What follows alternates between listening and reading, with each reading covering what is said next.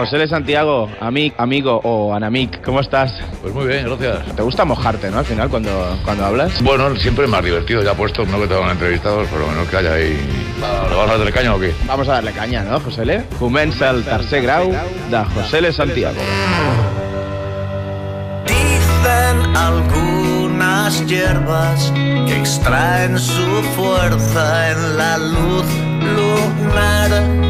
José Le, ¿por qué Melendi vende más discos que tú? ¿Por qué Melendi vende más discos que yo? Bueno, Melendi en concreto o, o Melendi y compañía, ¿no? Siempre ha habido mucha más gente que vende más discos que yo que gente que venda menos discos que yo. Pero tú en cambio escribes buenas canciones. Eso espero, eso espero, yo me como la cabeza, ¿no? Cuando escuchas las letras eh, de las canciones que acostumbran a sonar en las radiofórmulas comerciales, ¿no te entran ganas de quitarte un poco la vida? No, porque es que no las escucho desde hace mucho tiempo, desde hace mucho tiempo que no escucho las radios comerciales. De hecho, mucho de menos los tiempos en los que en la radio se podía descubrir gente interesante y te bajabas a la cabina de abajo y llamabas a la emisora. ¿Y eso que habéis puesto qué es? Lo echo de menos porque ya no, ya no ocurre, ¿no? ¿Tú te avergüenzas de alguna de tus canciones? No, de canciones no, de conciertos sí, de algunos pues sí, la verdad, ¿para qué te voy a decir que no? Por ejemplo, Hace mucho que no doy un concierto del que me avergüence, ¿no? Hace mucho tiempo. Ya va siendo hora. Desde el principio, pues muchos, ¿no? No tiene uno idea, uno es joven, le gusta demasiado la fiesta, no sabe distinguir si la fiesta es antes y es después, y al final, bueno, pues pasa lo que pasa. Pero canciones de las que yo reniegue así, pues, pues no, supongo que ayuda el hecho de que de no haber estado nunca unido o, o ligado a un movimiento estético, ideológico, como quiero, alguna moda, como quieras llamarlo, concreta, de, la cual luego se reniegue, ¿no? Ninguna, ni ninguna canción que diga, hostia, vaya mierda. Soy un espía, soy el traidor que nadie envía el peor. Soy el Mesías aniquilador. Vosotros solo un error. Hablas en una de, de tus canciones, en Ángel, de aniquilar a la raza humana. ¿A qué artista salvarías de la hecatombe? No, no, ninguno. Yo hablo de, de aniquilar, a- de- del exterminio total y absoluto, a ser posible, autoexterminio para acabar con un poco de dignidad, ¿no? Es una canción, vale, sí, que es un poco exagerada, pero en la que Ángel hace una especie de mercurio al lado que transmite a, a la especie humana un mensaje de todas las demás y es que nos autoexterminemos, ¿no? ¿Por qué? Pues porque nos, están todos de acuerdo, todos los, todos los, todas las especies están absolutamente de acuerdo, hay una unanimidad absoluta y bueno, es simplemente eso, no estamos, la raza humana se está comportando como un, la especie humana se está comportando como un, como un virus, así que lo mejor que se puede hacer con un virus es quitarlo del medio. Mataría sin excepción.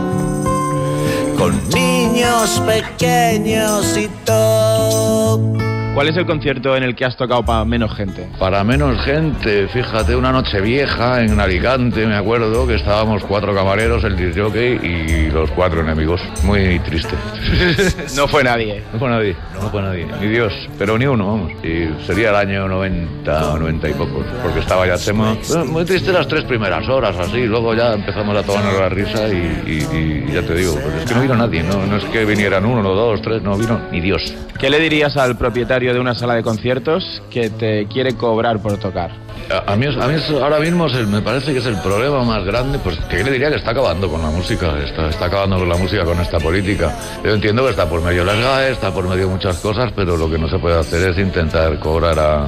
Bueno, de hecho no intentarlo, hacerlo, cobrar a, a- a un grupo de chavales que están intentando dar, dar a conocer su trabajo en directo, porque sencillamente es que se lo estás impidiendo, ¿no? O se ponen a tocar una rotonda, o, o no sé, se habla mucho del pirateo, se habla mucho de esto, pero yo creo que el principal problema es este. Si me llega a ocurrir a mí, probablemente no estaríamos haciendo esta entrevista, ni yo me estaría dedicando, ni yo me estaría dedicando a la música ahora mismo, porque no hubiera podido. A mí me piden dinero, yo no tenía un duro. Yo trabajaba de, transportista y co- cobraba cuatro duros eh, cuando tenía 18 años. No, no me podía permitir pagar por, por, por tocar en una, en una sala, era imposible.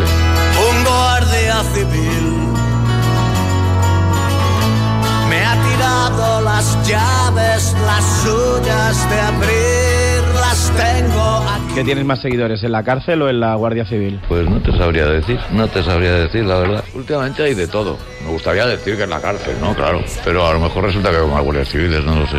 No, no tengo ni idea. ¿Pero con quién te sentarías, por ejemplo, antes a cenar? ¿Con un Guardia Civil o con alguien que está en la cárcel? Pues probablemente ambos tendrían cosas muy interesantes que contar, pero preferiría sentarme con, con un preso. Seguramente sería más interesante o, o comprendería mejor su punto de vista. ¿Qué es lo más memorable que has vivido dentro de un camerino? Pues quizás, quizás ahora mismo estoy hablando la visita de, de Peret, inesperada, ¿no? De- de- después de un concierto en, aquí en Barcelona. El caso que se abrió la puerta del camerino y apareció Peret con un amigo que le había encantado, que no sé qué, estuvimos hablando, nos tomamos unos vinos y nos hicimos, nos hicimos, quiero creer que amigos, no, no íntimos ni nada de esto, pero nos conocimos y pasamos una noche estupenda, nos fuimos a cenar luego por ahí. Y así a bote pronto es lo más memorable que se me ocurre, porque además es una cosa que no me esperaba para nada. ¿no? ¿Eres un poco rumbero tú también o, o qué? ¿O no mucho? Eh, a partir de que conocí a Pérez, sí. Antes no, me preguntó y digo, bueno, sí, me gustan los Amaya, oh, los Amaya, qué grandes, no sé qué. Y empezó a enseñar cosas, a, a- yo a apuntar. Y ha llegado un momento que sí, escucho rumba en casa y, y sobre todo en el coche. En el coche me encanta. Me pasa con la rumba y con la Creedence. Acabo a 120. Oye, José, ¿ya no bebes vino porque te lo has bebido todo? Probablemente, todo el mío, claro. Todo el que me tocaba. Pues oye, José, gracias por no haberte cabreado conmigo con todas estas preguntas un poco cabronas que te he hecho. Y muchas gracias. No, hombre, yo a lo mejor, a lo mejor me cabreo, pero luego, luego soy majo, luego soy majo. Soy un buen, fa- soy un buen- buen fajador, además. José, muchas gracias y que vaya muy bien el concierto. Gracias a vosotros.